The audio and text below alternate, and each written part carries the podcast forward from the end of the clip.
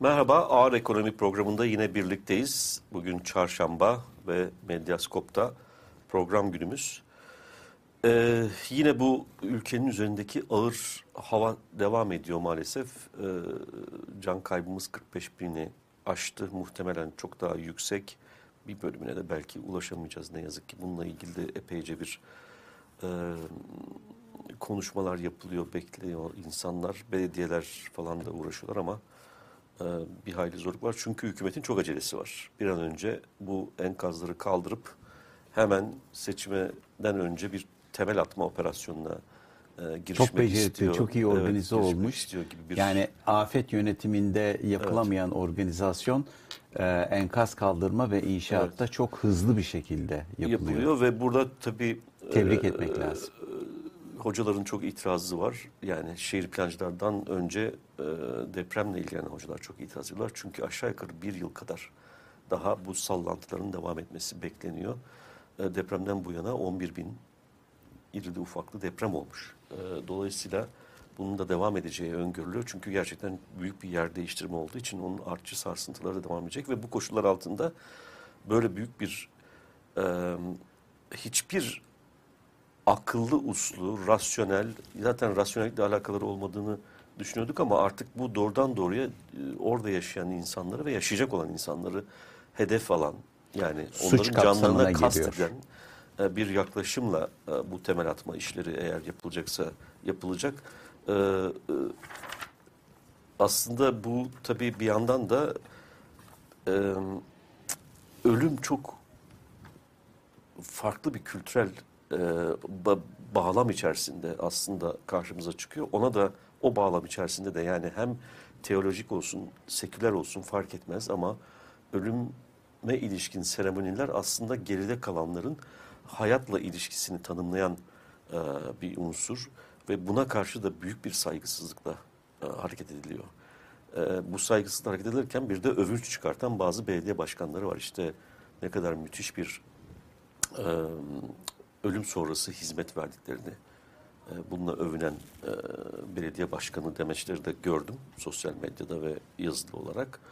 E, dolayısıyla bu hakikaten e, artık insanlık diye tanımladığımız o sınırın çok ötesine aşıldı ve buralarda sınır tanımazlık e, söz konusu. Yani hayatın düşmanı olduğunu birkaç defa yazdım söyledim ben bu zihniyetin.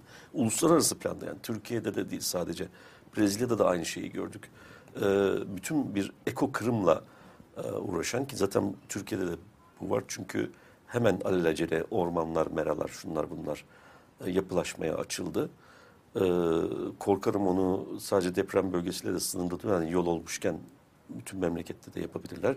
Bu arada tabii başka bir e, tehdit ciddi alınması ve kesinlikle tedbir alınması gereken tehdit e, İliç'teki maden, altın madeniyle ilgili. Orada Nerede? İliç'te, Erzincan'da, Fırat yakınında. Ee, buradaki maden e, siyanür kullanılarak işliyor. Yani dünyadaki artık neredeyse hemen hemen hiçbir ülkede izin verilmeyen bir yöntemle altın çıkartılıyor ve ayrıştırılıyor. Dolayısıyla çok ciddi bir tehlikeli atık problemi var. Milyonlarca tona ulaşmış bir siyanürlü e, su deposu durumda var ve bu depo bir bakalım nereye yapılmış. Oradan geçen bir fay hattı üzerine inşa edilmiş. E, şimdi bir e, üç tane deprem beklentisi var. Bir tanesi işte İsrail üzerine Ölüdeniz'e doğru giden e, hat, fay hattında bir Adana'da bir de yukarı doğru Erzincan'a doğru giden hatta bir deprem yani 7 üzeri bir deprem bekleniyor. Orada eğer bu depo zarar görürse ki geçenlerde bir sızıntı olmuştu yani birkaç bin çok tehlikeli miktarda bir siyanür e, Fırat Nehri'ne kavuş, şey yapmıştı, karışmıştı. Bütün Orta Doğu'da ekosistemi e, katletme kabiliyetine sahip bir ya da sonucu doğurabilecek bir e, büyük yıkımla karşı karşıya kalabilir. Sadece Türkiye'deki insanlar, bitkiler, hayvanlar değil, bütün bir e, o nehirlerin Basra'ya kadar e, etrafındaki ekosistemi yok etmek şey ve bunu bu, yani gerçekten bazı durumlarda şeyi e, öne sürmek bir haklı talep haline geldi. Yani buradan bu Kanada şirketi artık arkasında kimler var? Türkiye'den ortakları var mı yok mu? Muhtemelen vardır. E, 1 milyar dolar mı ka- kazanmayı planlıyor? Bu 1 milyar doları verip hadi git işine demek yani bir böyle mafya şeyi gibi muhtemelen çok çok çok daha akılcı bir çözüm olurdu. Bu iktidar devam ettiği koşullar altında, devam ettiği sürece. E, bu yıkımla hiç olmazsa karşılaşma riski e, bulunmayacaktı. Şimdi bütün bunlar ortadayken alelacele e, bir bina inşaatı üzerinden e, sağaltıma diyelim yani toplumsal rehabilitasyon e, planıyla karşı karşıyayız E, ve e, bir yandan da bunları konuşacağız elbette. Bir de tabii bu sosyal yardım, e, sosyal yardım değil de afetle mücadelenin kurumsal e, kapasitesi üzerine e, biraz yazıp çiziyoruz, konuşuyoruz. E, ama burada artık çok özel bir e, örnek olarak aslında bütün bir zihniyetin en çıplak göründüğü olgu olarak Kızılay'ı e, ele alalım diye düşünmüştük. Ama öncesinde büyüme rakamları açıklandı. Bir iki e, laf etmek gerekiyor sanırım. E, 2022 performansı da var çünkü. Sadece son çeyrek değil. 2022 performans da var. E, bu çerçevede bir kısa onu konuşalım. Ondan sonra e, Kızılay üzerinden bu deprem meselesinde konuşmaya başlarız. Kızılay'ı aslında geçen hafta konuşacaktık. Bu Evet. skandallar patlamadan önce. E, ama Sen yazdık- hazırlık hazırlık yapmak evet. istiyordun. Yazdık zaten de neyse.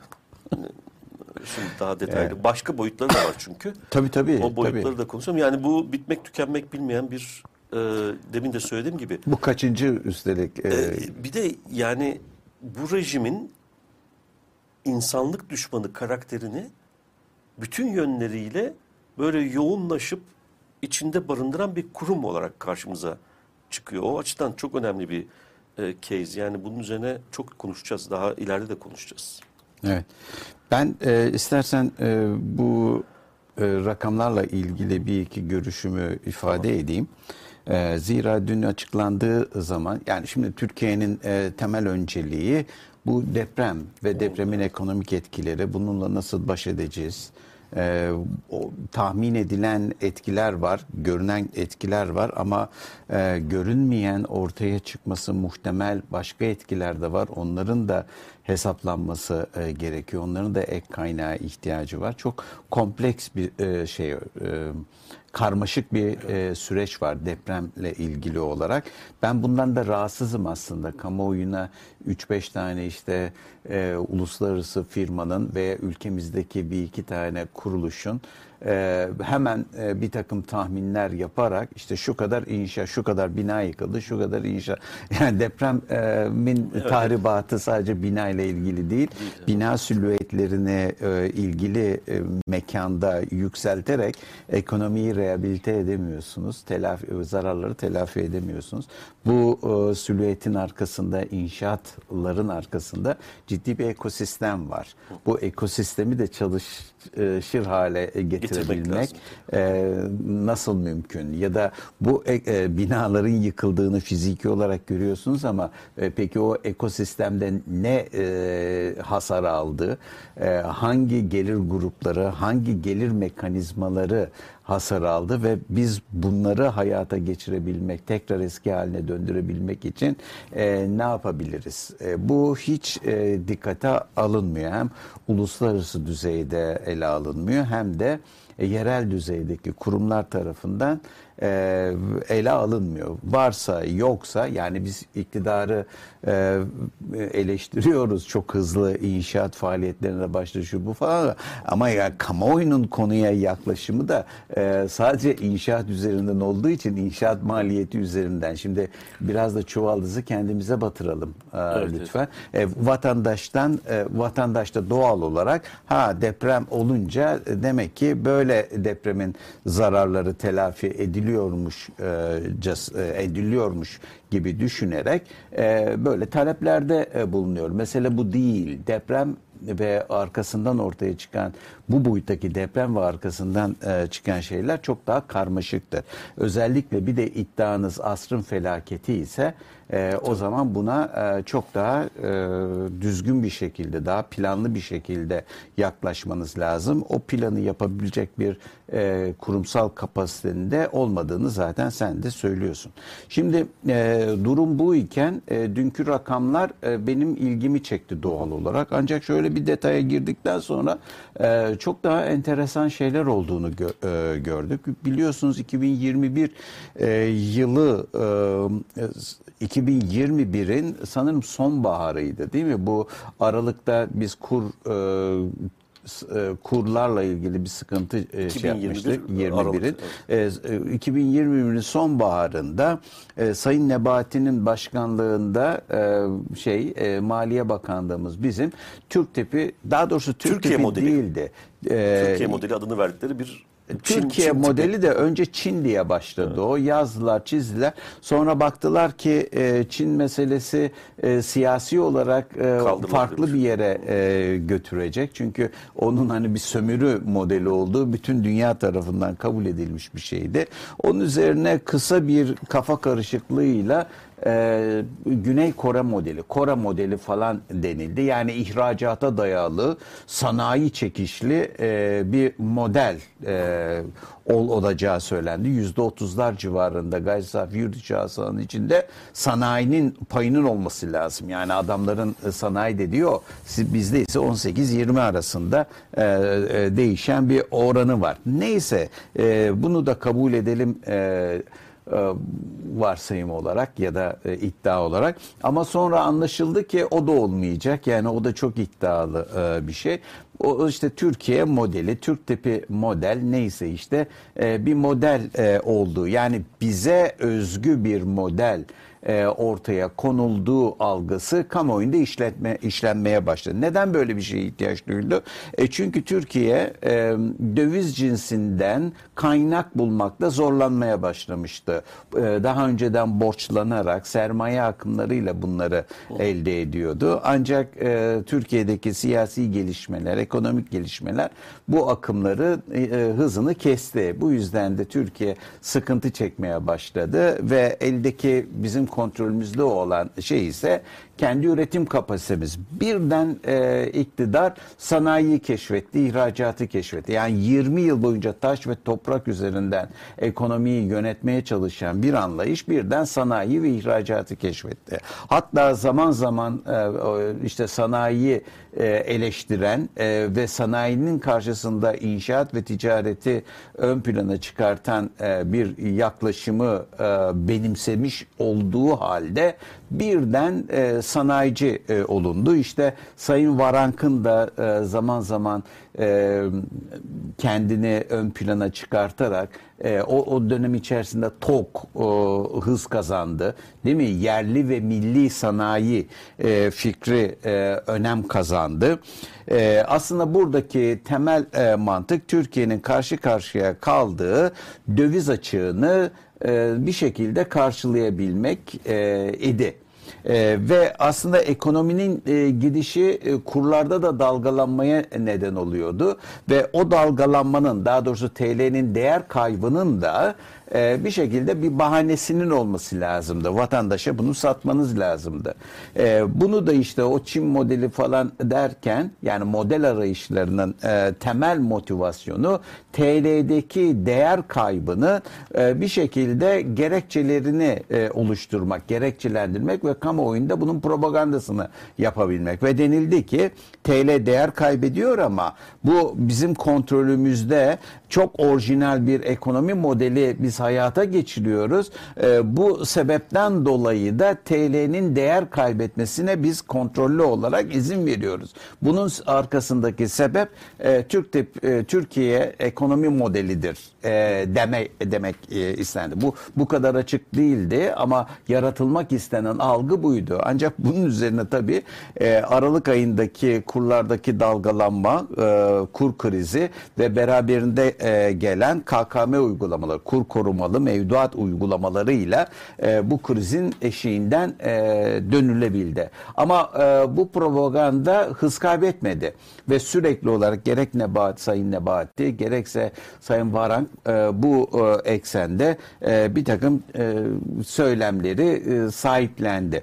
Ee, şimdi bu o, söylemin elbette değerlendirebilmek için birkaç tane ayağı var. Yani gerçekten böyle mi veya gerçekten böyle bir e, politikanız varsa bunun e, gerçekleşip gerçekleşmediği e, nasıl anlaşılır e, diye sorabiliyorsun. E, biz genellikle iktisatçılar tabii verilerin e, şeyi e, anlık olarak elimizde olmadığı için bizim aylık veriler e, cari açık ve ticaret e, dış ticaret verileri onlara bakıyor ve bir takım ipuçları alıyorduk ve oradaki gelişmeler de çok parlak değildi. Hatta iktidar temsilcileri de bazen böyle temaşa halinde e, bunları e, kamuoyuyla paylaşıyor ama nedense dış ticaretin hep ihracat ayağıyla ilgili e, e, bilgiler vatandaşla paylaşılıyordu. İthalat ay- ayağını paylaşmıyorlardı. Dolayısıyla dış ticaret e, performansı açısından çok fazla değişen bir şey olmadı iyi yönde. Ama gelişmelerin hepsi kötü yönde oldu. İthalat arttı.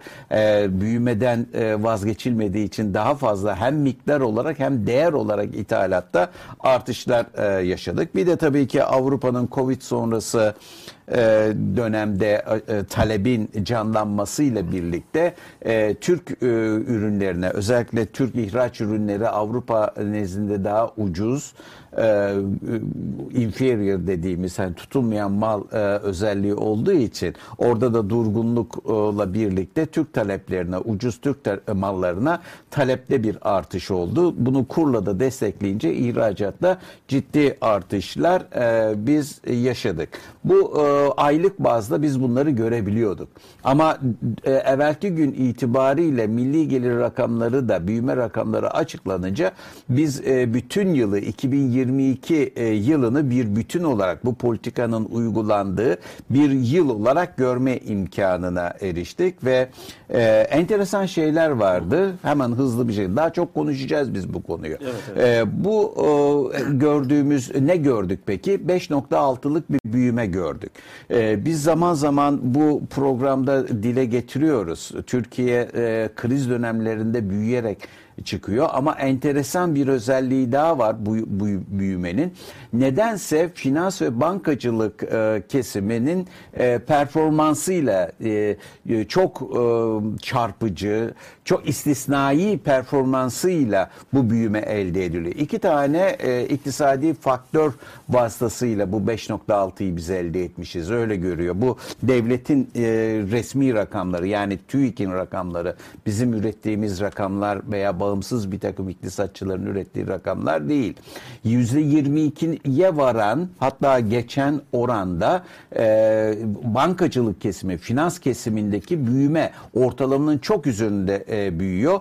Bu e, benim gibi e, bir takım muhtemelen sen de aynı evet. görüştesin. Biraz e, şüpheyle yaklaşmasına neden oluyor. Öteki taraftan hizmetler e, sektörde %11'i aşkın e, bir oranda e, büyüyor. Sanayi yani bu Türkiye tipi ekonomik modelin, büyüme modelinin e, or, e, şeyinde temeli olan sanayi ise e, ortalama büyümenin Türkiye ekonomisinin genel büyüme oranının altında %3.3 3 civarında e, büyüyor. Evet, bu, bu da bu çok yıllık büyüme yalnız. Yıllık büyüme. Bu e, evet, da çok açık bir şekilde gösteriyor ki yani e, madem sanayiyle ve ihracatla büyüyecektin e, evet. o zaman sanayinin daha hızlı büyümesi e, gerekiyor. Bırak sanayiyi burada hizmet ve e, finans e, çekişli büyümüşsün.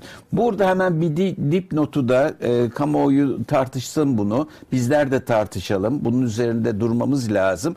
E, bu hizmet sektörünün e, özellikle de yeni muhasebe sistemimizde kayda dayalı e, bir sistem olduğu için bu hizmet sektörünün değerlerinin hesaplanması benim e, bu yeni e, yöntemde sürekli soru işareti. Özellikle bu son e, devletin e, Merkez Bankası'nın ve hükümetin ekonomi yönetiminin e, bankacılık sektörü üzerinde e, kurduğu baskılar düşünüldüğünde değil mi? E, bu baskıların e, bankaların e, e, kazanç kapılarını e, kapatması gerekiyor. Yani biliyorsun bu enflasyon e, bir de enflasyon muhasebesi de yok e, ülkemizde. Asıl E, şimdi e, bu bankalar e, sermaye piyasası kuruluna SPK'ya bir bilanço gösteriyor. Onlar kar e, yazıyor.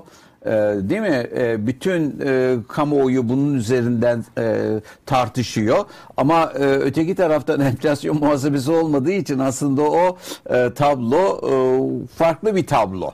E, Gerçek Gerçeği- durumu yansıtmaktan uzak kalıyor. gerçeği yansıtamıyor. Ee, Dolayısıyla siz eğer kaydi olarak bu işlere giriyorsanız, kaydi e, muhase- e, kaydi bilgilerden yola çıkarak bir hesaplama yapıyorsanız, e, bu e, muhasebe kayıtlarının e, bir daha düşürülmesi lazım. Yani bu zincirleme bilmem ne indeksi yapıyorum ya da deflete ediyorum e, meselesiyle bir kere e, rakamı oluşturduktan sonra deflasyonla bu yapılmaz. Yani Yani istersen orada bir küçük teknik bilginin altını çizelim. Yani bu daha önce e, nasıldı bu son değişiklikten önce ki bu son değişiklik TÜİK'in uydurduğu bir değişiklik değil. Hemen onun altını çizmekte fayda var.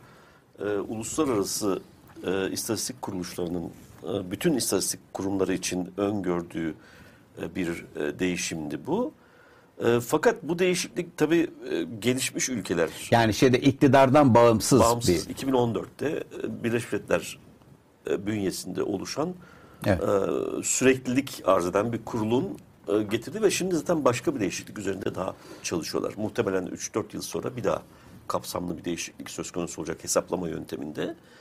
E, eskiden şöyle bir e, yol izlerdik biz. Nominal olarak kayıtlar yapılırdı. Sonra finansı tahmin Def- ediyorduk ama. Deflatör, evet. Deflatör e, kullanılarak ama o tahmin yine e, şey İstihdam üzerinden bir tane. guess. Yok o kadar basit değil. Yok yok şey bütün o bilançoları şunları bunları yani e, TÜİK'in erişebildiği resmi idari kayıtlarının da e, bilgisi kullanılarak yapılırdı. Yani o böyle bizimki gibi değil. Bizim yapabileceğimiz gibi bir şey değil. Daha detaylı bir e, tahmin yapılırdı orada. E, ama e, elbette tabii bir input output tablosunu bile hazırlayamayan bir kurumdan e, bahsediyoruz ya da hazırlamak istemeyen bir kurumdan bahsediyoruz. E, sonunda e, bu deflatör dediğimiz şeyle de bu nominal e, değerleri realleştirirdik. Değil mi? Bizim alışık olduğumuz şey oydu. Uzun bir seri vardı elimizde. Sonra bu e, şey çıktı, değişiklik çıktı. Burada artık o uzun ve yılları bütün yılların bilgisini içeren deflatör serisi yerine yıllık e, bir zincirleme endeks e, yaklaşımı getirildi. Yani hep ikişer yıllık bir önceki yıla göre bir zincirleme endeks üzerinden bir e, realleştirme yapılıyor. Tabii Ama bu- düşük enflasyonda bir anlam ifade Evet, eder o. bu tabii gelişmiş ülkelerin odak alınan alınarak hazırlandığı için dünyadaki gayri safi yurt içi hasılayı büyük ölçüde yani katma değeri daha doğrusu büyük ölçüde üreten ülkelere göre e, oralarda da enflasyon oranları çok düşük olduğundan dolayı e, bu zincirleme endeksinin düşük enflasyon koşullarında düzgün çalıştığından eminiz. İhmal edilebilecek hatalar seviyesine düşüyor. Fakat bizim gibi yüksek enflasyonlu ülkelerde e, ciddi problemler şey yapıyor. Stokların e, yeniden değerlemesinden tut bilmem neye kadar yani o senin bahsettiğin yeniden değerleme meselelerine kadar mu- muhasebe standartlarıyla olan uyumuna kadar e, çok sayıda. Şimdi bunu belki enflasyon muhasebesi uygulanıyor olsa ve katma değer hesapları daha idari kayıt aşamasında doğru düzgün e, ve güvenilir ve gerçeği yansıtan, ya gerçeğe daha yakın düşen bir şekilde hesaplanıyor olsa büyük ihtimalle bir bu kadar büyük bir problemle de karşı karşıya kalmayacaktık. O zaman büyüme de 5.6 olmayacak. Olmayacaktı. Çok daha düşük olacaktı. Hatta belki negatif olacaktı. Bilmiyorum. Yani o onu onu da düşünmemiz gerekiyor. Ee, ama bu enflasyon muhasebesini ilan etmeyerek çünkü burada iki tane şeyi var.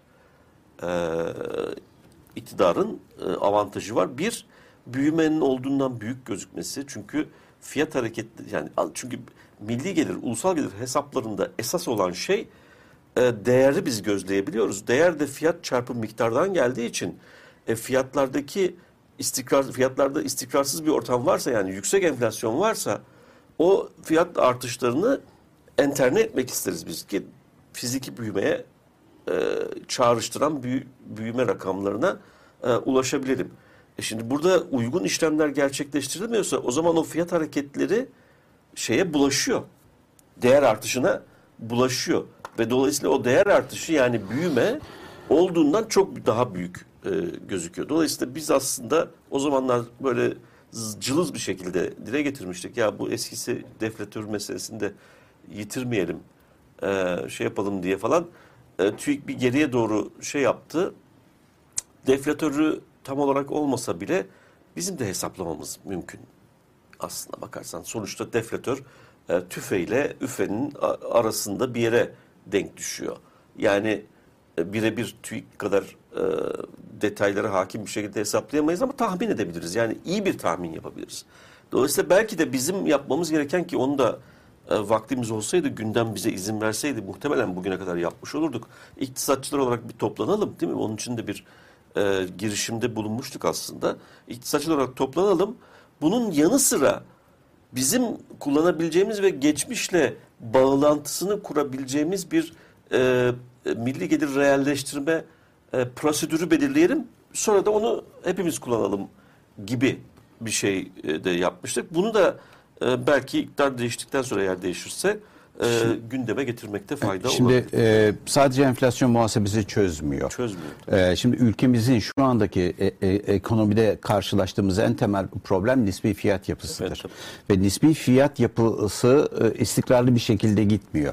Eğer siz nis- e, istikrarı sağlıyorsanız yani reel kura bir bak. Yani reel kurdaki düşüşü görüyorsun. Şimdi e, böyle bir Fiyatlar yanlış yani. Nispi e, fiyat e, Aynen fiyatlar baskı altında. E, siz şimdi e, nispi fiyatlar e, belli tarzdaki malların lehine veya aleyhine e, çok hızlı bir şekilde değişiyorsa kantar e, bozulur.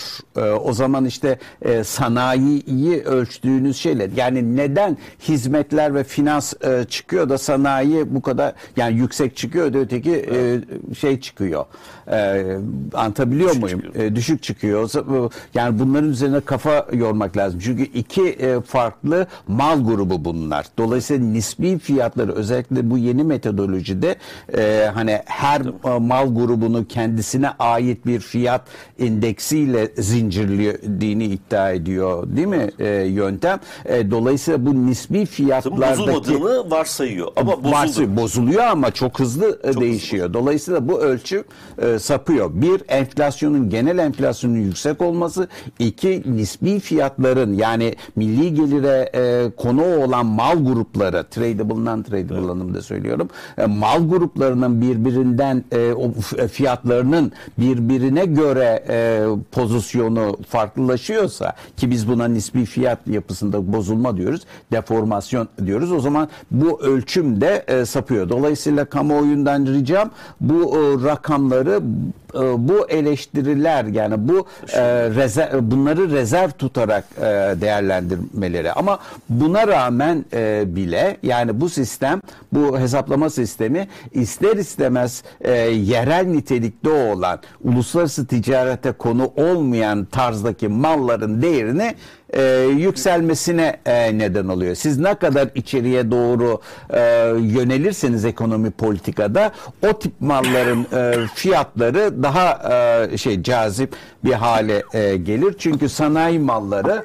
e, malum olduğu üzere uluslararası piyasada geçerli mallar olduğu için orada hani çok e, ciddi bir farklılık olmayabilir. En azından teorik e, manada e, böyle bir beklentimiz var. Şimdi bu bakış açısıyla e, baktığınızda bizim 5.6'lık e, büyüme oranı daha çok kendi homemade dediğimiz ev yapımı bir, açmış gibi bir şey oluruz yani. Evet. E, bu tabii ki bugüne kadar 2001 e, sonbahar 2021 sonbaharından e, itibaren iddia edilen e, tezin e, tamamıyla tersi bir durum ortaya çıkartmıştır. Bu haliyle bile yani. Bu haliyle dolayısıyla ya bir taraftan sanayi sanayi dediniz, e, yerel üretim dediniz, e, yerel olarak ürettiğiniz kebapçı Değil mi? Yani hizmet sektörü nedir? Rant- rant- rant üzerine- e, şey. Evet yani e, kebapçı diyerek de küçümsemeyeyim e, şey anlamında yani hizmet sektörü genel olarak parakende ticaret Şey diyelim, e, o e, çok sevdiğimiz antropolog David Graeber'in değil de tırışkadan işler. Evet, evet. Ee, o tip işler verimliliği de e, çok düşük. Ee, yani bir taraftan birisi çıkıyor uzaya adam göndermekten bahsediyor. Öteki taraftan bakıyorsunuz e, ülkenin bununla ülke ekonomisinin uzaya adam göndermekle bir alakası yok. Bir de uzaya adam gönderecek kişi de o tungsten çubuklarıyla e, deprem üretildiğini iddia eden kişi. Ha onu Ulusal, bilmiyor. Ulusal Aja- Uzay Ajansı Başkanı tungsten çubuklarla deprem üretildiğini söyleyen arkadaşımız var. E, yani e, gayet no- e, Normal. normal, e, bir şey. Yani e, bir kere bunu bir tarafa koymak lazım. İkinci önemli şey de ihracat. E, şimdi büyümeyi talep açısından e, baktığın zaman da e, enteresan bir şey görüyoruz. E, orada da ana unsurun tüketim olduğunu görüyoruz. Yani iç talep olduğunu İşte, e, görüyoruz. Demek ki Hani zaten o iç talep e, bizim e, hizmet sektöründeki e, cazibeyi arttırıyor, büyümeyi arttırıyor. Yani vatandaş e, özellikle hizmet talebi e, yapmış, bankacılık hizmeti e, talep etmiş. Ne yaptı onu da bilmiyorum. İnsanların kredi almadığından bahsediyorlar. %22.8'lik e, bir e, büyümeden bahsediyorsunuz finans e, kesimde. Herhalde ben almadığıma göre, vatandaş almadığına göre bu adamlar bu işlemi herhalde hazineyle yapıyorlar. Dolayısıyla bu olsa olsa bir e, var, şey aktarımıdır, bir varlık aktarımıdır, servet aktarımı e, gibi bir şey e, olmalıdır. Yani muhasebeye biraz e, dikkat etmek lazım. Dolayısıyla sonuç e, olarak en son kısmı da sen emek ve sermayecisinden söylersin. E, benim gördüğüm kadarıyla Türkiye tipi e, modelin iki önemli iddiası bu rakamlarla e, desteklenmiyor. E, Bir, sanayi kesinlikle büyümenin kaynağı değil. İki, büyümenin talep açısından kaynağı dış talep yani ihracat değil, aksine iç talep. E o zaman bir sene biz neyi tartıştık ya? Evet. E, Biz de bunu söylüyorduk ve suçlanıyorduk. Mandacı iktisatçı deniyordu. E demek ki e, bizim öngörülerimiz doğru çıktı. Bu modelde ihracata ve sanayiye dayalı model böyle bir e, iktisadi yapı içerisinde ortaya konulamaz demek ki. E, biz de bunu söylüyorduk. E, ortaya çıkan nedir? E, 20 yıldır alışıp geldiğimiz büyüme. Yani e, ve kaynakları itibariyle e, dolayısıyla değişen bir şey yok. Sıfıra sıfır elde var sıfır. Evet. Yani tabii biz mandacı da olsak iktisattan bir parça anlıyoruz herhalde. Ee, bu arkadaşların e, ne mandacılar ne iktisatçılar. Yani öyle bir problem var. E şimdi e, gelirler Ee, açısından bakıldığında da e, kimin e, daha çok pay aldığını da görüyorsunuz. çıkıyor, O da evet. kapsayıcılık açısından da problemi Problemli. var. Yani emek e, kesiminin önemli bir e, kısmını değil mi? Çalışanlar e, Yıllık olarak yüzde 25.6. hala azalıyor. 25.2 pardon. Tabii. 26.3'ten 25.2'ye düşmüş. O azalıyor. Sermayenin payı artıyor. Sermaye artığı da 56.3'ten 56. O net. Bir de arada 56.7'ye e, şey var. Amortismanlar var. Amortisman da e, sermayeye eklenmeli. Eklenmeli. E, e, emeğin amortismanını biz dahil ediyor muyuz? Öyle bir e, mu- e, muhasebe sistemi var mı? Yok. Ee, var orada hep e, oradaki amortisman oranı çok e, hızlı. Hayır. Çünkü şey Ücretin içine yedirilmesi Ye- yeme içme masrafları Ee, o enflasyonda en yüksek artan kesim ya zorunlu hizmet. O Hocam yeni- yeme içmeyle üretime olmuyor. Ee, yani emeğin e, amortismanı dediğinizde kültürel e, tatmin de bu işin içerisine girer. Yani sen e, belki yeme içmeyle tatmin olursun ama öteki olmaz. Tabii. E, dolayısıyla sermayenin böyle bir avantajı var. Emeğin yok. Emek sadece ücret ama sermaye e, bir de işte o sermaye tüketimi diyorlar. E, Onu yani amortisman o- onu da dahil et. O da aslında bir finansman yöntemidir amortisman. Yüksek enflasyon dönemlerinde Süper, özellikle. Çok güzel. Ucuz bir finansman yöntemi olur tabii. Sermaye birikimine çok E, Tabii e, biz onu yıllarca kullandık. Yani biz e, Türk e, iktisatçıları çok ciddi tecrübeler edindi geçmişte e, bu konularda. 90'lı yıllardaki o yüksek oynaklık döneminde özellikle. Evet yani bunu da altını çizmiş olduk. Sonuç itibariyle e, gelirler açısından baktığımızda e, büyümenin e, dışlayıcı karakterinin e, çok net açık bir şekilde ortaya Ya çıktığını. kimin büyüdüğünü görüyorsunuz e, burada. Yani evet. ben büyümemişim. Yani vatandaş büyümemiş. Vatanın ücretle emeğiyle çalışanlar, emeğiyle geçinmeye çalışanlar e, büyümemişler. E, bu hizmet sektörü. Bir de tabii ben şeyden de bahsetmek isterim. E, çeyrek çeyrek baktığımızda da yılın ilk yarısındaki e, yüksek tırnak içinde yani ortalamanın üstündeki büyüme hızları e, yılın 3. ve 4. çeyreğinde çok e, radikal bir şekilde aşağıya düştü. Yani 5.6'lık bir ortalama büyüme var yıllık.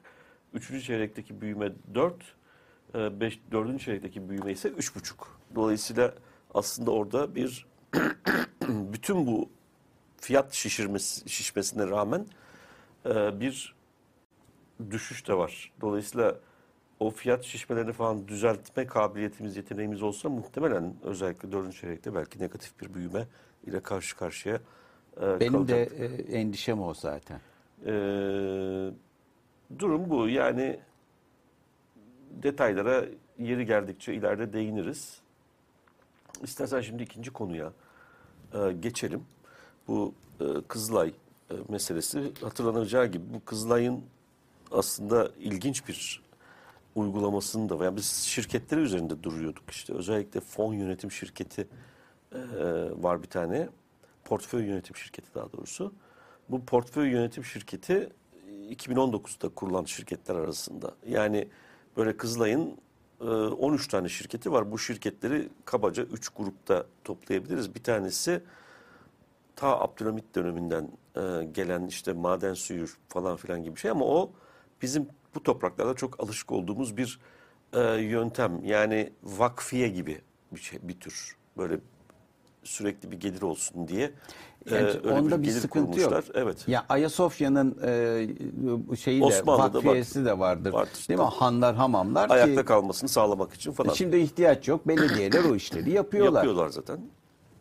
İkinci grup şirketlerde sözüm ona Sayın e, Kızılay Başkanı Sayın Kınık'ın e, bahsettiği efendim bunlar işte ne yapalım bizim hizmetlerimizi de ihtiyaç duyduğumuz malları üreten şirketler diye geçen çadır şu bu falan filan gibi. E, ilk bakışta şirketin ismine baktığınızda e, sanki Kızılay'ın gerçekten yardım ulaştırmada etkinliği artırmak, verimliliği artırmak yani biz oraya bağış yapıyoruz ya o bağışların her kuruşunun e, etkisini artırmak üzere Biz özelleştirmeyi boşuna Ee, yapmışız kamu Yap, işletme. evet yaptın yapıldı bunu bunu sağlamak üzere kurulmuş şirket. Fakat işte bunlardan bir tanesi de çadır üretmekle görevli olan şirket. Fakat şimdi e, Kızılay'ın e, ne olduğunun farkında değiller. Ben bunun farkında olmadıklarını birkaç ay önce gazete Pencere yazısında yazmak için işin içine girdiğimde fark etmiştim. Yani o zaman bir başka yazıda geçerken ben e, bu şeyle ilgili e, Kızılay'ın e, kamu yararına şirket olarak e, tanımlanmış olmasından kaynaklanan çok büyük avantajları var. Özellikle para transferlerinde yurt dışına şuna buna falan. E, ondan faydalanmak üzere e, başkent gaz sonradan başkent gazda alınan bir ihalenin karşılığında yapılan bir e, bağış gibi olduğu da Komisyon. ortaya çıktı. Komisyon gibi orada olduğu da ortaya çıktı ve e, New York'taki o meşhur Türgen Vakfı mıydı? Türken Vakfı mıydı? Neyse ona e, üret, para gönderirken 7,5 milyon dolarlık bir e, para gönderilirken Kızılay'ı da aracı olarak kullanmışlardı. O zaman ben de Kızılay'ın bu bu yani asıl ama yazının amacı şeydi. O bu bu vakıf ve özel şirket arasındaki bağın e, ne kadar yanlış olduğunu falan e, ama ge- geçerken de ya Kızılay'da burada bir network içerisinde bir hub olmuş. E, dedim o çok alındılar Kızılay'daki yönetimi. Hemen bir açıklama gönderdiler. Üç paragraflık. Üç paragrafa benim herhalde 4-5 sayfa yazmam gerekti. Çünkü her bir paragrafın her bir cümlesi Kızılay'ın ne olduğunun hiç bilinmediğini, en azından basın bürosu, yani o açıklamayı gönderen basın bürosu tarafından hiç bilinmediğini, mesela işte tüzükten alıntılanmış havası verilen böyle bir tırnak içinde kullanılarak e, devlete yardımcı olmak üzere kuran yanlış. Öyle tüzükte aradım, taradım, arattım. Öyle bir ifade yok. Yani Kızılay tüzüğünde ne yazdığını, yani Kızılay tüzüğünü hiç okumamışlar büyük ihtimalle. Ee, Kızılay'ın tanımını bir devletin bir Birimi olarak. parçası olarak görüyorlar Kızılay'ı. Bu çok yanlış. Şimdi Kızılay, o yazıda da vurgulamaya çalışmıştım ben. Ee, Kızılay, uluslararası Kızılaç ve Kızılay hareketinin a- im- oluşturduğu bir uluslararası belge diyelim. Anlaşma diyemiyoruz çünkü devletler arası bir anlaşma değil. Ama bir tür uluslararası kamu malı niteliğinde hizmet üreten kurumların e, ilkelerini belirlemek üzere oluşturdukları Filantropi yapıyor yani Evet, bağış toplayıp. Tabii tabii insan hakları çerçevesinde aslında konumlanan asıl dayanaklarından bir tanesi uluslararası insan hakları hukuku.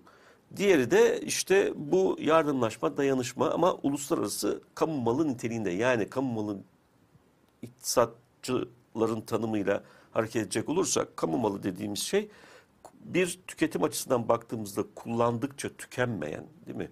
Yani işte sokaktaki ışık onun altından yürüyüp ben o hizmetten faydalandığımda sokağa bitirdiğimde bir başka sokağa girdiğinde Piyasalaşmaması. Evet, aynı şeyi kullanır. Dolayısıyla bu kullanım içinde bir fiyat yoktur. Dolayısıyla biz piyasada bu hizmeti satın almak üzere herhangi bir şey ödemeyiz. Finansmanı açısından baktığımızda da nedir? Peki o zaman bu mal ve hizmetler, kamu malı niteliğindeki mal ve hizmetler nasıl üretilecekler? Ee, ona da kamu finansmanı araçlarıyla şey yaparız değil mi? Ya bütçeden ya tanımlanmış belli kamusal gelirlerin e, doğrudan aktarılması veya Kızılay örneğinde olduğu gibi e, kamudan bağış toplayarak ya da başka türlü e, kaynakların aktarılması yoluyla geçti. Yani bunun içerisinde bir piyasada faaliyet gösteren bir şirketin amaç fonksiyonuna e, sahip değildir Kızılay. Çünkü bir şirketin amaç fonksiyonunda esas olan şey karı maksimize etmektir.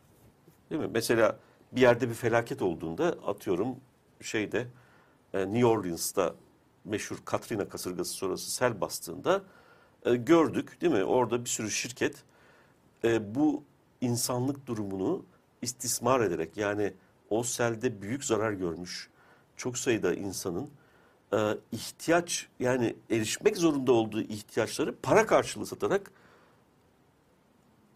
e, yani yaralayıcı olmamak için kelimeleri seçerek konuşmaya çalışıyorum.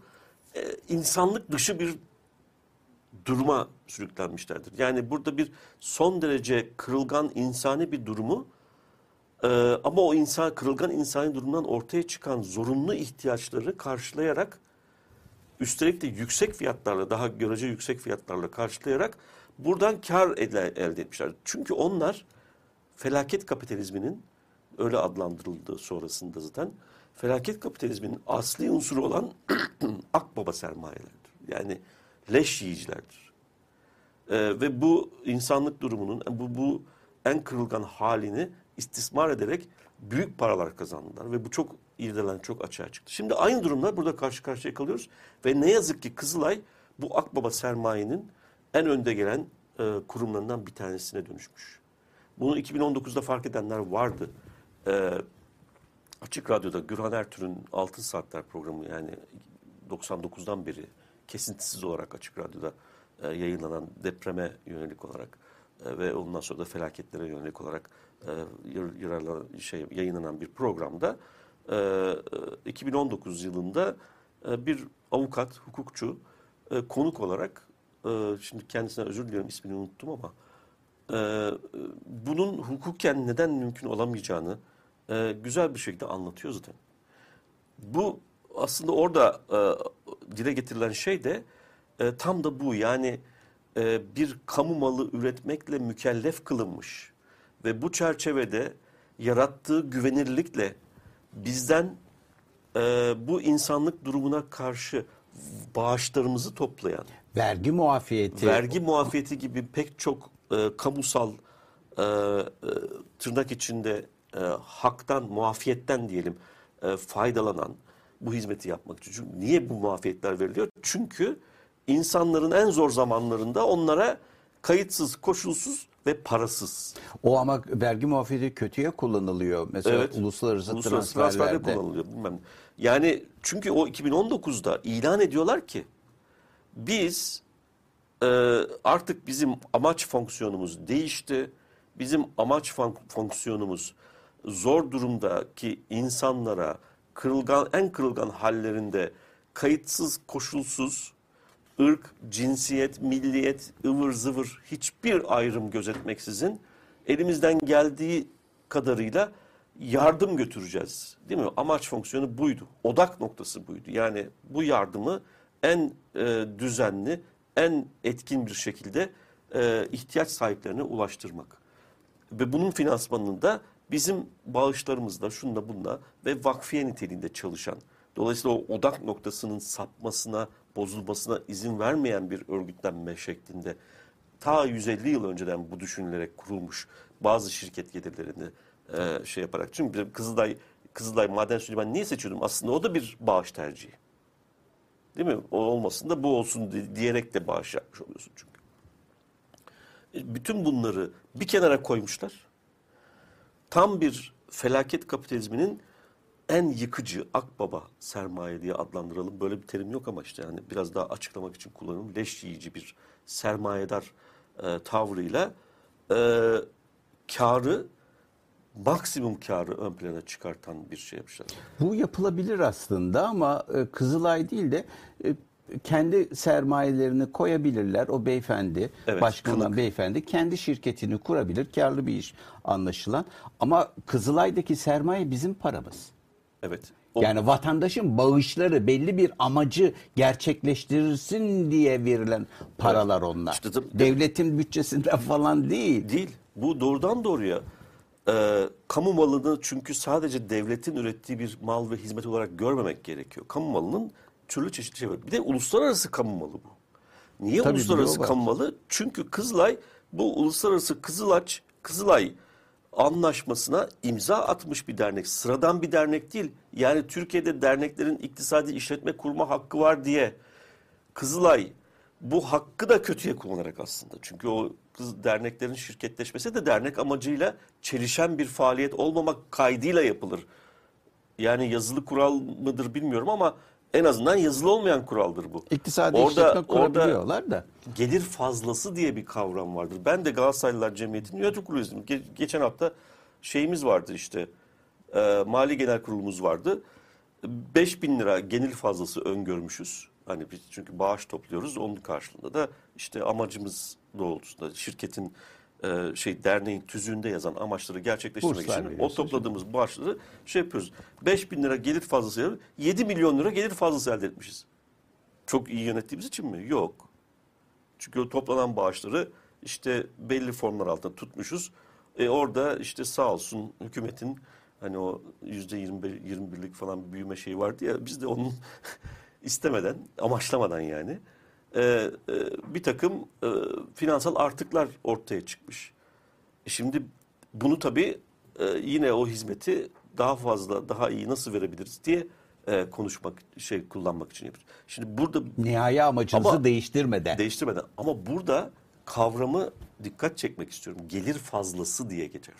Kar diye değil. Şimdi bu arkadaş da çıkmış demeç veriyor Sayın Başkan. E biz tabii kar edeceğiz diyor. Nasıl kar ediyorsun şimdi? Bir de onu tartışalım. Satışı ahbaba vermiş. Ahbap nereden buluyor parayı? kamu iktisadi teşekküllerinin kar etmesini amaç olarak ortaya koyup tartışan iktisatçılar vardı. E işte yani onlara da nasıl vereceğiz cevabını. Ona ona sözüm var çünkü o, onlara da bir cevap vereceğim de bu ultra liberal e, şeyler Twitter'da yazıştık. E, ahbap para topluyor. Sonra bu parayı işte e, çeşitli ihtiyaçları karşılamak üzere deprem bölgesine yöneltecek. E bunlardan bir tanesi çadır. E dönüyor bakıyor "Ay, Kızılay'da çadır var. E peki o Kızılay'daki çadırı sen nereden ürettin? Bizim bağışlarımızla ürettin. Daha önce yaptığımız bu Evet daha önce yaptığımız bağışlarla ürettin. E onu o bizim o bağışlarımızı e, kamu malı olmaktan çıkartıp özel mal haline getirmek üzere her yere 13 tane şirket kurmuşsun ki bunun bir tanesi portföy yönetim şirketi. Yani neydi belirsiz. Denetlenmesi de mümkün olmayan. Ee, borsada mı oynuyorlarmış? E, portföy yönetim şirketi. Ben baktım şimdi Kerim sevgili Kerim Rota pazartesi günü e, Yavuz Oğan da teknik olarak anlattı.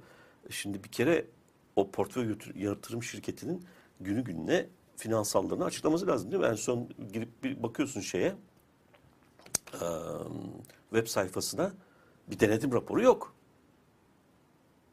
E Ben bu borsa baş yani SPK ne işe yapar? Bu fonlardan Hayır, e, bu sorumlu portföy kimse- yönetim şirketi e, para toplar. Evet ama Bir kimden fona. topladığını bilmiyoruz. 10 tane pay, ben bir tanesinde mesela çok bildiğim bir konu olmadığı için 10 tane pay sahibi var diyor mesela. Kim onlar?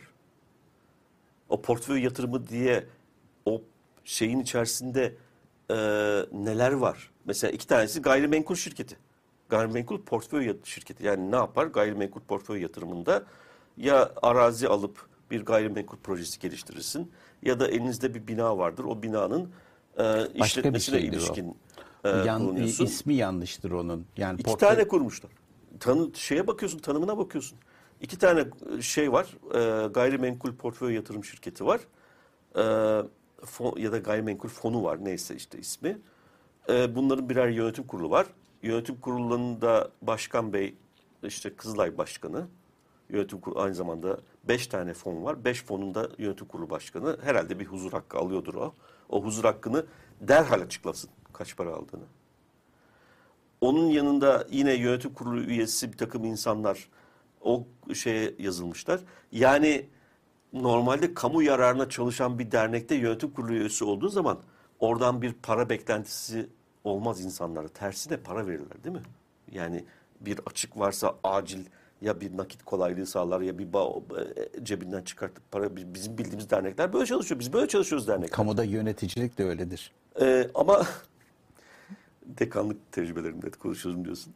Ama e, bu arkadaş eğer bu şirketleri kurma amaçlarından bir tanesi kendisinin Kızılay'da kamu yararına e, hizmet veriyorum diye e, verdiği hizmetten nemalanmaksa bunun da suç olduğunu bilmek zorunda. Bak baro suç duyurusu yaptı. Benim de çok altın izim. Şimdi bu uluslararası kamu malı niteliğine geri dönelim. Şimdi bu uluslararası Kızılaç Kızılay hareketinin dayanak noktalarından bir tanesi de insan hakları hukukudur. Uluslararası insan hakları hukukudur. Dolayısıyla bu ilkeye, yazılı olmayan bu ilkeye ama aslında anlaşmaya imza atarak bu ilkeleri takip edeceğine e, beyan etmiş ve hasbelkader ben seçildim geldim diyor ya dernekte dernek olduğu için seçim yapılıyor çünkü. Evet. Ee, dernekte hasbelkader seçimi kazanarak bu yönetimi gasp etmiş kişinin e, bu insan hakları hukukuna aykırı davranışlarda bulunması da yasaktır. O da dernek tüzüğünün ihlalidir. Ağır bir ihlaldir. Çünkü uluslararası anlaşmanın da ihlalidir bu aynı zamanda. E, ve insan hakları hukuku açısından e, cezalandırılması gereken bir hukuki durum ortaya çıkartır. İnsan hakları hukukunda zaman aşımı yok ihlallerde. Onu da altını çizmek istiyorum. Yani insanlığa karşı bir suç işlenmiş durumda burada aslında. En kırılgan, en çabuk, hızla ve hiçbir kayıt koşul taşımaksızın e, gerçekleştirilmesi gereken müdahaleyi yapabilecek kapasiteyi yok etmiş. Var olan 2000 çadırlık sınırlı müdahaleyi de e, piyasalaştırmış. Ahbaplar satıyor. Sadece o değil ki başkalarına da satmış. Başkalarına da satmış. Göre. Evet, başka şeyler. Çünkü o şirketin işte gir bak hayvancılık çadırı üretiyor. Ürünler. Web sayfaları çok eğlenceli. Yani eğlenceli diyemiyorum. Son derece trajik. Ee, şirketlerden bir tanesi VIP yaşlı bakım hizmeti veriyor. Yani gidiyorsunuz 6-7 milyon lira verdiğiniz zaman gayet lüks bir şeyde bakım evinde işte e, lüks bir ya da VIP bir e, Hastaneleri de var diye. Hastaneleri var. Hastaneleri acı badem yani neyse işte özel hastanelerden farklı değil fiyatları. Orada çalışan bir doktor arkadaşım Ee. Aynı şey Diyanet'te de var diye hatırlıyorum. Diyanet'in de kendine göre hastaneleri var. On, Onun fiyatlama politikasını bilmiyorum ama Kızılay'ın e, piyasa mantığında kar odaklı çalışan şirketleri e, olduğu için bu aynı zamanda asıl odağının zaten kaymasına ve bozulmasına neden oluyor. E, bir seçim kazandım diye e, Kızılay'ın bu e, yani biz Kızılay Derneği'nin prensip olarak yönetimi seçen genel kurulunun yönetim seçerkenki amacı nedir? derneğin tüzüğünde yazan, derneği bağlayan uluslararası anlaşmanın ilkelerine uygun şekilde e, en etkin yönetimini sağlamak üzere o yönetimi seçer. E, siz o şekilde yönetime geliyorsunuz. Sonra e, bu bu hizmeti e, piyasalaştırıyorsunuz. Kamu malı niteliğini ortadan kaldırıyorsunuz. Ben bu konuda bir şey e, sormak isterim. Şimdi bu biliyorsunuz dernekler masasına İçişleri Bakanlığı'nda dernekler masası var. Vakıflar Genel Müdürlüğü var. E, Dolayısıyla onların sürekli denetimleri olması e, lazım. Acaba e, bu konuştuğumuz şeyler çünkü e, derneklerin denetimi e, amaçla tüzük yapılan faaliyetlerin tüzüğe uygun faaliyetler Çok olup yerin- olmadığı konusunda e, yapılır. Çok iyi- Özellikle genel kurullar Bunun e, üzerinden gider değil, mi? Mali Bunun Genel üzerinden zaten Ve- idari ibra, mali ibra bunun üzerinden gerçekleşir. Aynen. Dolayısıyla onlar Dolayısıyla da e, o genel kurul da bu bu yönetimi ibra ediyorsa bu suçun parçası olmuştur zaten. Evet ben o, o orada var. yani dolayısıyla burada kolektif e, bir organize organize var. bir, e, durum var Organize gibi suç var. geliyor. Şimdi bir denetim raporu var ama Kızılay'a ait. 2021 yılının 12. ay Aralık ayında e, yap- gerçekleştirilmiş bağımsız denetim şirketi yapmış denetimi. Grant Thornton diye bir uluslararası şirketin Türkiye'deki temsilcisi sınırlı olumlu görüş vermiş. Bakın olumlu görüş veremiyor zaten. Yani kendi seçtikleri bir denetim şirketi geliyor, bağımsız denetim şirketi denetim yapıyor ve sınırlı olumlu görüş veriyor. Bunun dayanaklarını da şöyle açıklıyor. Diyor ki eee, ancak 31 Aralık bu web sayfasında var. Kızılay'da biraz şimdi arkaya attılar. Eskiden lap diye ana sayfadan ulaşılıyordu. Şimdi şeyde Google'da search etmeniz gerekiyor işte. Kızılay bağımsız denetim raporu falan diye. Ee, ancak 31 Aralık 2021 tarihi itibariyle dernek raiç değer modelini uygulamasına rağmen uluslararası muhasebe standartları 16 ve 40'ın gerektirdiği şekilde tüm gayrimenkulleri için değerleme çalışması yapmamıştır diyor. Değerleme çalışması yapmamış kafasına göre yazmış yani değerleri. Bilançosunu bilmem nesini, mali tablolarını. Ee, ayrıca dernek kendi bünyesinde oluşturduğu ve bağımsız şirketler tarafından hazırlanan ekspertiz çalışmalarını baz alarak tüm gayrimenkullere ilişkin değer artışlarını öz kaynaklar altında maddi duran varlık yeniden değerleme fonları içerisinde takip etmektedir diyor. Belirsizlik var yani. Ee, çünkü tek tek malları şey yapmıyor. 31 Aralık 2021 tarihi itibariyle 2,5 milyar lira, lira ki bu Aralık'ta 2 milyar 100 milyonmuş. Tutarında maddi duran varlık yeniden değerleme fonu bulunmaktadır. Yani rakam da büyük. Bak, yeniden değerlemesi bu. Tamam o yeniden da, değerlemeye e, ait varlıklar E, bunun e, resmi denetimi de var. Olması resmi lazım, e, evet. denetçiler bunu da okuması lazım. Bu Bunlar rapordan- gidiyor çünkü bu rapordan arasında. sonra genel kurul yapılmış olması gerekiyor. O genel kurul rap- Nasıl ibra etmişler? Nasıl ibra etmiş? O ibra eden arkadaşlar da bunun sorumluluğunu taşıyorlar. Ee, genel kurul kimlerden oluşuyor, nasıl bir teşkilat yapısı var bilmiyorum. Ee, buna onay veren dernekler masasının da bu işte e, ya da işte soruşturma açmayan dernekler masasının da bu işte e, payı var. Devam İçişleri ediyor. Bakanlığı'nın var. İçişleri Tabii, Bakanı'nın İçişleri var. Bakanı'nın Çünkü var. İçişleri Onun Bakanımız Allah Allah yokluğunu e, şey yapmasın, göstermesin. E, bu tip konularda çok hassas. Belediyelerde mesela Evet, suistimallere hemen Evet, evet. müfettiş gönderebiliyorlar. Bakın İçişleri Bakanı'na söylüyoruz buradan. Net defter değerleri toplamları 1,5 milyar lira olan arsa binaların kiraya verilmesi işlemleri şube başkanlıklarına devredilmiş durumda illerde. İlgili yönetmelikler gereği şube başkanlarının söz konusu arsa binalardan elde ettiği kira gelirlerinin bir bölümünü derneke aktarması gerekmektedir diyor. O zaman kiraların ne olduğu hakkında fikrimiz olacak çünkü o bilançoya işleyecekler. Ancak söz konusu kira gelirleri denetim prosedürleri ile doğrulanamadığından yani kime kaça kiraya verdiğini denetim şirketi bulamamış. 31 Aralık 2021 tarihi itibariyle şube başkanlıklarından elde edilen 55 milyon lira tutarındaki kira gelirlerine ilişkin herhangi bir görüş oluşturulamamıştır. Yani bu kiralar çünkü büyük bilinen AVM'ler falan var yani biliyorsun Kızılay'ın. O da ilgili şube başkanlığından mı kiraya veriliyor? Oradan 55 milyon lira mı kira gelir elde edilmiş o AVM'lerden? Ee, yani ucuza mı veriliyor? E burada Değerinden adam kiraya veriliyor mu? etmiş bütün, bütün E, şey. etmiş tabii. Yazabildiği kadarıyla yazmış. Dernekin şube başkanlıkları olan işlemleri ve cari hesap bakiyeleri doğrulanamamıştır. Cari hesapta doğrulanamıyor. Yani. yani para aldım verdim hikayeleri doğrulanamıyor. Ayrıca hesapların işleyişi ve doğası sebebiyle şube başkanlıkları olan kira geliri dışındaki kar veya zarar tablosunda yer alan işlemler not 9'da sunulamamıştır diyor. E, kar ettik diyor. Onu da bilmiyoruz demek ki. Bilmiyoruz. Yani e, portföy şirketi zararda sürekli. 8 milyon sermaye en son yayınlanan e, mali tablo e, 2021'in ortasına ait ki bunun 2021'in tamamına ait mali tablonun 2022'nin Mart ayında yayınlanması gerekiyor normalde. 2022'yi şu sıralarda alıyor olmamız gerekiyordu. 2022'ye ait hiçbir mali tablo yok. Yanlış hatırlamıyorsam web sayfasında. Ama en son gördüğümde 8 milyon sermaye vardı. Birikmiş zararlar ve cari dönem zararıyla beraber 5 milyon liraydı. Yani sermayenin %60'ı zaten gitmişti. Ee, dernek şube olan işlemler ve cari davranışlar ayrıca hesapların işleyişi ve doğası sebebiyle şube başkanlıkları ile olan kira gelirleri dışındaki kar zararı yer olan işlemler not 9'da sonra bunu söylemiştim. Dernekin öz kaynaktan pay alma yöntemiyle değerlenen yatırım olarak muhasebeleştirdiği Emek İnşaat ve İşletme AŞ bu da 13 şirketten bir tanesi. Ait 31 Aralık 2021 tarihli e, itibariyle UFRS'ye uygun olarak hazırlanmış finansal tabloları bulunmamaktadır diyor. Uluslararası finansal standartları.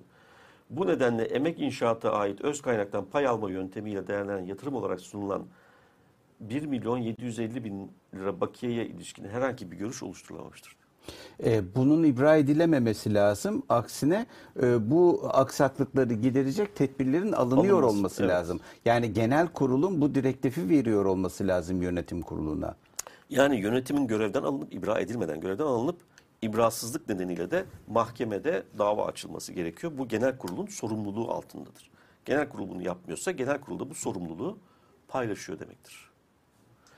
Diyelim çok açtık. Süremizi bitirelim burada. Evet.